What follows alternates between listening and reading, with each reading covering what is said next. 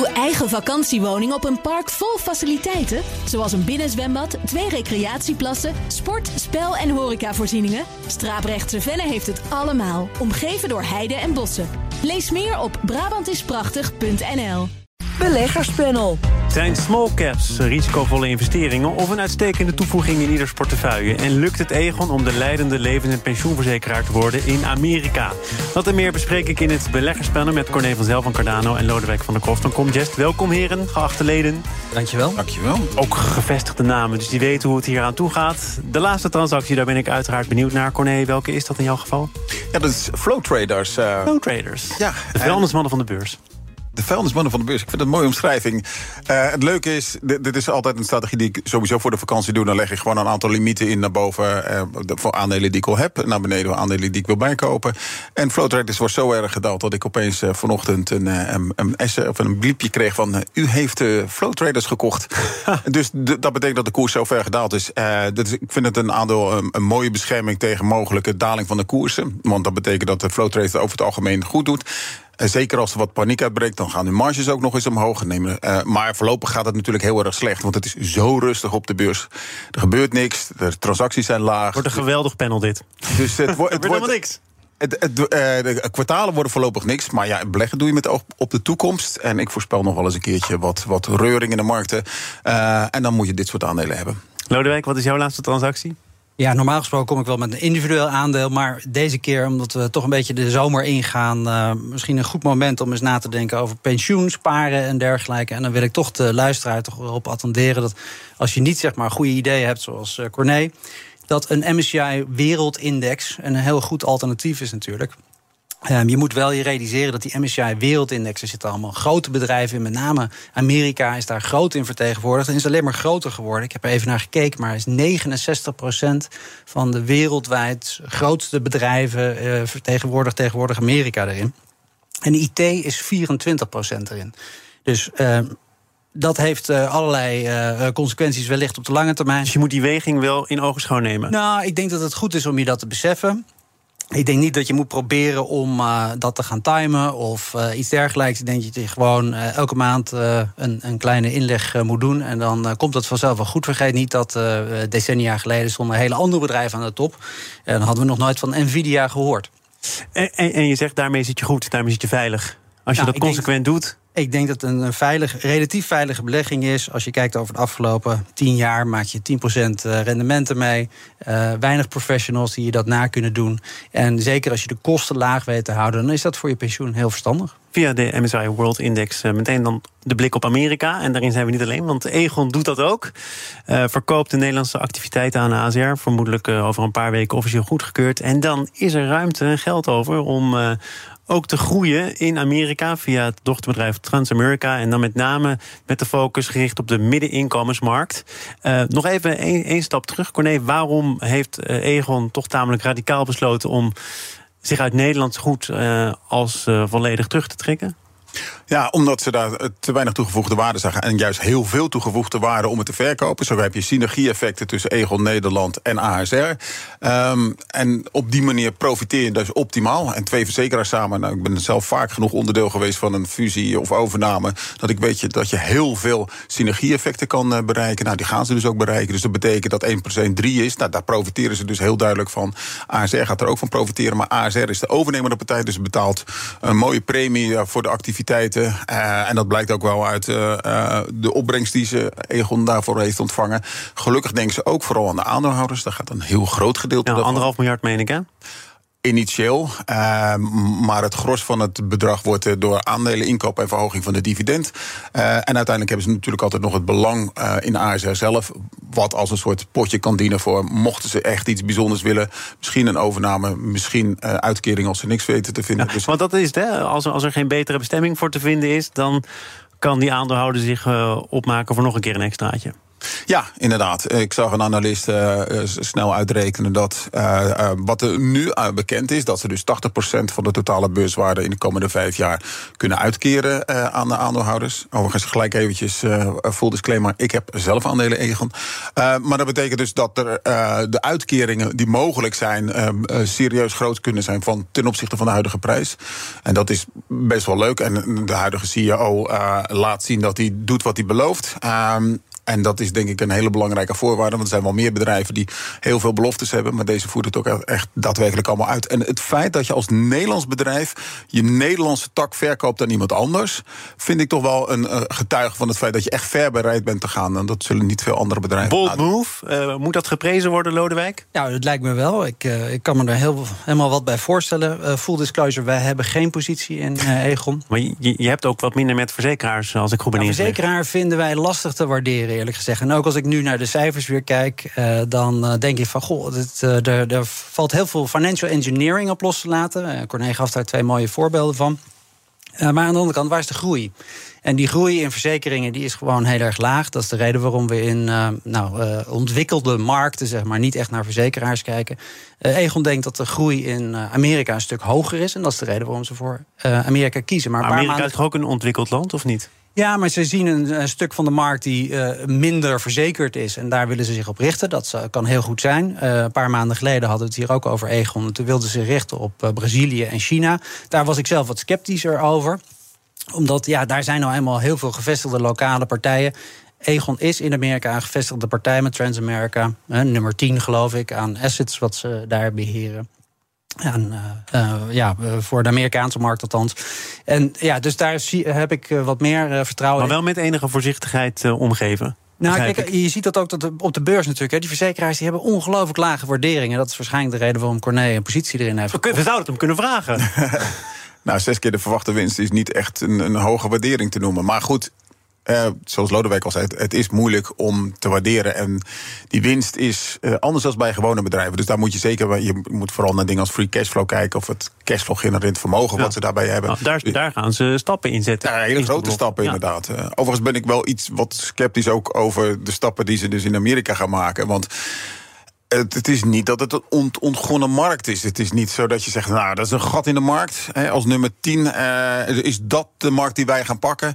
En de negen partijen boven jou hebben daar nog nooit naar gekeken. Nou, laten we even kijken waarom Lard Vriezen, dat is die topman die uh, doet wat hij belooft, hè, jouw woorden, mm -hmm. daar zelf over zegt. Daarin hebben wij echt een, uniek, een unieke capability die de mm. anderen gewoon niet hebben. We hebben de beschikking over een, agenten, een, een, een agentennetwerk van zo'n uh, 67.000 agenten, dat we ook willen groeien. In, in Noord-Amerika, daarmee zijn we in, uh, in, in Canada uh, zijn we de grootste. En in uh, Noord-Amerika zijn we de, de twee na grootste ja. die, met, met zo'n netwerk. Dus dat, stelt ons, dat geeft ons een unieke mogelijkheid om daadwerkelijk toegang te hebben bij die gezinnen en huishoudens. En andere maatschappijen hebben dat gewoon niet. Ja, het is dat agentennetwerk, dat is al groot. En dat moet de komende jaren van 67.000 agenten, meen ik, groeien naar 110.000. En daarmee kom je wel bij mensen binnen die tot nu toe wat minder goed uh, bereikt worden. Corné, korte samenvatting van zijn woorden. Ja, Goede samenvatting, maar ik moet zeggen, als je gaat kijken naar de huidige trends, uh, bedrijf als Lemonade, die uitermate succesvol heeft ingezet op het juist niet direct. Hè, want een verzekering is ook maar een stom financieel product. En waarom heb je daar een agent voor nodig? Dus ik denk dat de trend juist is naar. Nou, omdat die mensen er anders überhaupt niet over nadenken, blijkbaar. Ja, ja, dat kan. Maar ik denk dat er meer juist een richting is richting digitaal en minder dus uh, menselijke tussenpersonen. Oh, ja, dus het verkeerde paard om op te winnen? Nou, nee, dat denk ik niet. Uh, ik ben alleen bang uh, dat, dat Egon niet heel lang meer aan Nederland verbonden zal zijn. Want 70% van de, van de premieinkomsten die gaan eerder uit Amerika komen. dus je kan jou vragen hoe lang het nog duurt voordat we Egon kunnen uitzwaaien. En zou dat erg zijn? Nou, dat zou voor, voor Nederland zou dat wederom jammer zijn. Dat is dus we hebben natuurlijk nu uh, toch wel heel duidelijk aangegeven... het hoofdkantoor in Nederland uh, te houden. Ja. Zometeen wordt het gros van het geld verdiend in Amerika. Ja, dan wordt het toch vaak lastig om hier in Nederland te blijven. Um, um, ja, de, de waardering voor Europese verzekeraars is niet heel anders volgens mij dan Amerikaanse verzekeraars. Dus om die reden hoef je niet te verkassen, zoals eh, Shell wel af en toe dat uh, suggereert. Misschien dat je wel te maken krijgt met een ander toezichtsregime. Dat zou heel goed kunnen, maar uh, daar weet ik te weinig vanaf. Wellicht dat Corné daar wat zinnigs over kan zeggen. Nou, niet over het toezichtregime moet ik zeggen. Maar ik moet, over de waardering ben ik het niet eens met Lodewijk. Uh, want de waardering van de gemiddelde levensverzekeraar in de Verenigde Staten is 10. En nou ja, van Egon is 6,5. Dus daar zit dan nog wel wat potentie in. Um, en ik zou het ook heel zonde vinden als Egon zou verkassen naar de Verenigde Staten. Uh, maar aan de andere kant, Eigenlijk is het wel logisch als ze dat zouden doen. En de, de woorden van meneer Friese, uh, die, die, die, hoor ik aan. Maar woorden zijn goedkoop. En we hebben al zoveel voorbeelden van beloftes van CEO's gehad. En mensen. Nou, jij vindt zijn woorden blijkbaar net iets minder goedkoop dan eh, de woorden van vele andere topmannen. de woorden over zijn operationele activiteiten, die wil ik graag geloven. Ik denk als er maar voldoende druk is. En op een gegeven moment in de bestaande situatie is het. Iedereen weet dat het dan logisch is als je een Amerikaans bedrijf hebt om dan ook de holding in Amerika te hebben. Dus ja, ik, en ik zou het jammer vinden, want ook zoals Lodewijk zei, het gaat wederom dan een, een mooi Nederlands bedrijf naar het buitenland. Maar ja, wat is dan nog Nederlands aan Egon? Nog heel kort terug naar wie ze nou willen bedienen. 68 miljoen huishoudens gaat het om, uh, middeninkomens. Is dat nu ook om ervoor te zorgen dat je niet al die andere gevestigde verzekeraars tegenkomt die zich richten op uh, rijkere Amerikanen. Dat je dus een makkelijker wedstrijd te spelen hebt. Nou ja, ze denken dat ze daarmee voordeel hebben met dat agentennetwerk. Uh, je moet wel kijken naar de middenklasse, zoals ze die definiëren. Tussen de 50.000 en 200.000 uh, dollar aan inkomen. Nou, dat zou in Europa zou dat geen middenklasse meer heten. Maar in Amerika blijkbaar wel. En die, die markt is groot. En ja, ze lijken een soort van strategie te voeren zoals de Democraten. Die denken namelijk dat ze ook heel veel stemmen kunnen winnen bij tweede, derde generatie immigranten die succesvol in Amerika zijn. En uh, ja, Egon volgt dat pad. We gaan uh, een ander pad volgen in deel 2 van dit panel. BNR Nieuwsradio. Zaken doen. Thomas van Zeil. Corné van Zel en Lodewijk van der Kroft zijn de leden van het beleggerspanel. Het lukt small caps, beursgenoteerde bedrijven met een relatief kleine marktkapitalisatie, maar met moeite om de weg naar boven te vinden. Gevolg is dat ze zeker ten opzichte van de large caps relatief goedkoop zijn. Het FD bespeurde eerder deze week enthousiasme bij koopjesjagers. Nu je toch zo goed in de definitiekwesties uh, zit, Lodewijk, wanneer zou jij een bedrijf een small cap noemen? Nou, een echte small cap, uh, dan heb je het vaak over marktkapitalisatie rond de 1 miljard. Daarboven heb je midcaps, 5 miljard en uh, om en nabij. En alles boven de 10 miljard, dat wordt dan op een gegeven moment een large cap. Maar ja, dat is ook een beetje een definitiekwestie die niet iedereen op dezelfde manier hanteert. En, en de karakteristieken van die uh, grote groep small caps, wat voor, wat voor bedrijven zijn dat? Waar zijn die met name in vertegenwoordigd? Nou, ze zijn uh, cyclischer qua samenstelling. Meer industrials zitten erin. Dus industriële bedrijven die sterker afhankelijk zijn van de economische cyclus. En dat maakt dat ze ook meer last hebben gehad van de tegenwind die we de afgelopen 16 maanden hebben gehad. En je hebt het er wat minder vaak over uh, op de radio in dit programma. Er zijn minder analisten die het volgen. Er is misschien toch ook, Corné, aanzienlijk minder handel in aandelen van small caps. Ge gebeurt er eigenlijk wel wat? Uh, nee, en dat is eigenlijk wel mooi, want dat betekent hoe minder aandacht, hoe meer koopjes je er kan vinden. En uh, zeg maar, de echt goede lange termijn beleggers zijn over het algemeen oververtegenwoordigd in dit segment. Omdat je dan, als je goed je huiswerk doet. en in Nederland zijn er een aantal voorbeelden van vermogensbeheerders die zich daar puur op richten en ook succesvol zijn. En dan heb je wel heel veel geduld nodig. want nou ja, de afgelopen jaren, als er nou één segment is geweest waar je uit had moeten blijven, is dit segment wel. Want juist de, de, de large caps en dan met name name de paar large caps, de, de Magnificent Seven in de Verenigde Staten, die trekken de hele beurs en de rest blijft allemaal achter. En, en wat Lodewijk al zei, dit is echt een heel cyclisch segment. Dus als je naar de onderliggende weerschevendheid kijkt, die van de S&P 500 is aan het stijgen de afgelopen periode, terwijl de Russell 2000 bijvoorbeeld aan het dalen is. Um, en datzelfde beeld zie je in mindere mate ook in het vasteland van Europa terug. Maar het FD schrijft over NX Filtration. Uh, ik laat even in het midden wat ze nou precies doen, iets met membranen. Introductie op de beurs was er sprake van een omzet van 1 miljoen, nu 2 miljoen. Grotere projecten in de pijplijn. En toch is die waardering niet of nauwelijks van zijn plaats gegaan. Dat, dat is dan toch eigenlijk moeilijk met elkaar te rijmen, Lodewijk?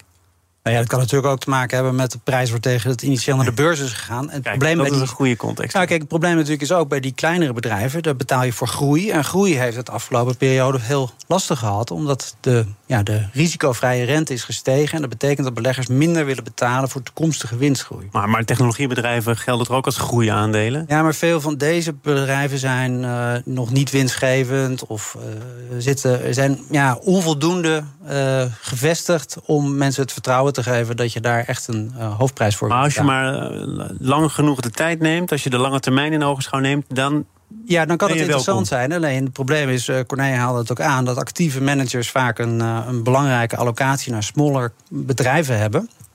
Maar dat heeft ze heel veel geld gekost uh, en een relatieve performance de laatste tijd. Omdat je ja, misschien wel hele mooie bedrijven kan vinden, maar als het te lang duurt voordat je gelijk krijgt, dan word je tussentijds voor je afgerekend. Want ja, de lange termijn bestaat uit heel veel korte termijnen. En uh, de klanten die worden ook nerveus. Staat die al in je boekje, Corné, met beurswijsheden? De lange termijn bestaat uit heel veel korte termijnen? Nee, maar die zou ah, zomaar op pagina 366 kunnen komen, ja. ja. Uh, moet je nu, uh, want dat was een beetje de teneur in het uh, FD-artikel... op zoek naar koopjes, of is het moment nog niet daar? Nou, ik denk dat je op lange termijn altijd moet gaan kijken naar de onderliggende winstgevendheid en de vooruitzichten daarvan. Want dat is uiteindelijk wat de koers drijft. En of er nou een hype met AI is, uh, of een hype met weet ik veel wat. Uh, we hebben al zoveel hypes gehad de afgelopen tijd.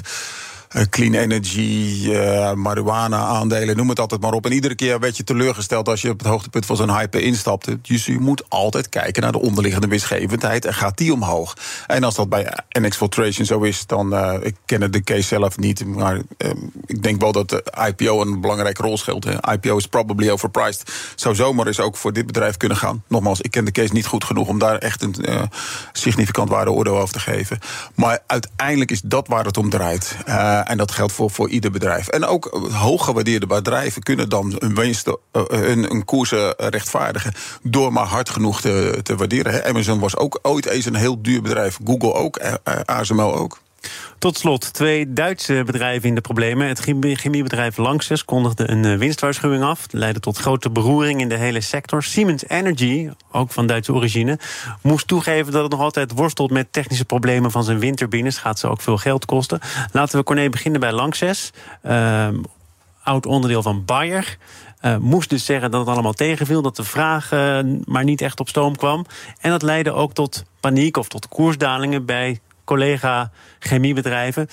Waarom is dat zo? Dat je als het ene bedrijf uh, sombere berichten naar buiten brengt, plotseling ook rode vlaggen ziet bij anderen? Nou, om de simpele reden dat als je gaat kijken naar de factoren waar Lanxess het over heeft, eh, hogere kosten, moeilijk doorprijzen van uh, richting de eindproducten, dat iedereen denkt, ja, maar daar kan iedereen dus last van hebben en dus gaan alle koersen naar beneden. Het is wel zo als je uh, uh, sinds de afsplitsing gaat kijken dat Lanxess eigenlijk altijd wel een probleemkindje is geweest binnen de hele sector. doen zij het bij verre het slechtste over de lange dus termijn. Dus wat voor Lanxess geldt, geldt niet per se voor BASF om maar een bedrijf te Nee, dus dat, dat wordt interessant. Maar het zijn wel dusdanig algemene factoren eh, waar uh, een Barsef ook mee te maken heeft. Die heeft ook te maken met hogere energieprijzen, hogere inputprijzen, hogere loonkosten. Uh, en dus was dat gewoon meer een alarmsignaal van, joh, let op, dit zijn algemene kostenontwikkelingen. Daar kan iedereen wel last van maar wat, wat zegt het over uh, de gemoedsrust op de beurs? Dat als je iets moet melden dat een beetje tegenvalt dat je daar direct op wordt afgerekend. En jij niet alleen, maar de hele sector. Nou, de koersen hebben het natuurlijk op zich heel erg goed gedaan dit jaar. Dus, eh, en de onderliggende verwachte winsten zijn per saldo over de MCI World gemeten eh, een paar procent gedaald. Dus dat betekent dat echt wel heel veel verwachting in zit dat het allemaal goed zou komen. Ja, en als het dan toch opeens niet goed komt, dan zijn de koersdalingen uh, vrij groot. En uh, we hebben best wel een lijstje gehad. Uh, even uit mijn hoofd gehad, 15 grote winstwaarschuwingen dit seizoen al.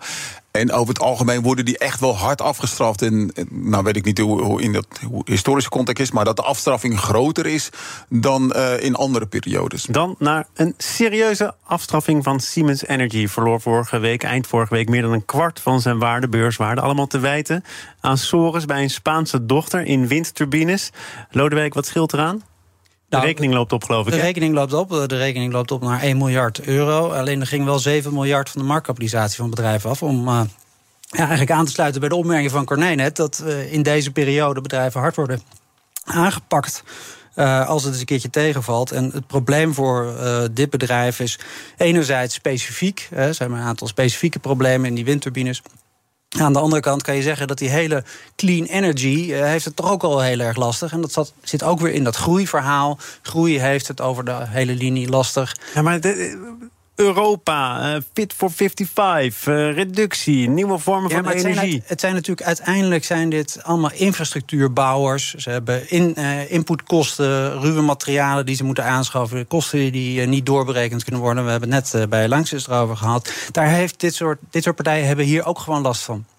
Dus het komt ook niet op korte termijn. Dus het is ordinaire margedruk die er plaatsvindt. Of het nou in de solar panels is of in de batterijenbusiness. Maar mag toch wel enige verbazing wekken dat uh, terwijl iedereen de mond vol heeft over de energietransitie, daar ook budget voor reserveert. Dat deze bedrijven blijkbaar niet komen bovendrijven. Sterker nog, sterke tegenwind, om het maar even zo uit te drukken, ervaren.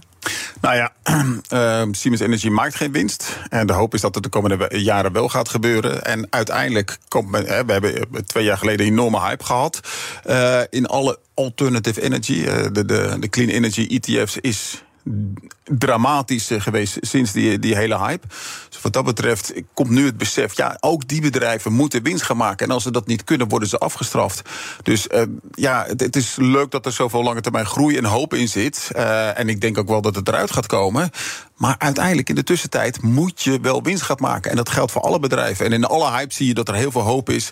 met heel veel verwachtingen. Uh, maar als het er op korte termijn niet uitkomt... kunnen mensen best wel teleurgesteld zijn. Weet je, net als bij Jerry Maguire, klassieker op film... show me the money. Dat uh, hebben jullie niet gedaan. Wel je wijsheden weten te etaleren. Inclusief een tegelwijsheid voor de volgende druk van het boek van Corné. Corné van Zel van Cardano, dank voor je komst. Zeg ik ook tegen Lodewijk van der Kroft van Comgest. Uh, tot een volgende keer. Beleggerspanel wordt mede mogelijk gemaakt door Annexum. Al meer dan 20 jaar de aanbieder van vastgoedfondsen. En dat panel is ook te beluisteren als podcast. Abonneer je vooral even via je favoriete kanaal of via de BNR-app. Zometeen gaat het over de strijd tegen ontbossing... of de strijd voor de Zwarte Jaguar. 1 juni opent Landal Greenparks vakantiepark de Strabrechtse Venne in Zomeren haar deuren. Vakantiewoningen op eigen grond aan of nabij het water met een solide rendement. Benieuwd naar de mogelijkheden? Ga naar investereninbrabant.nl.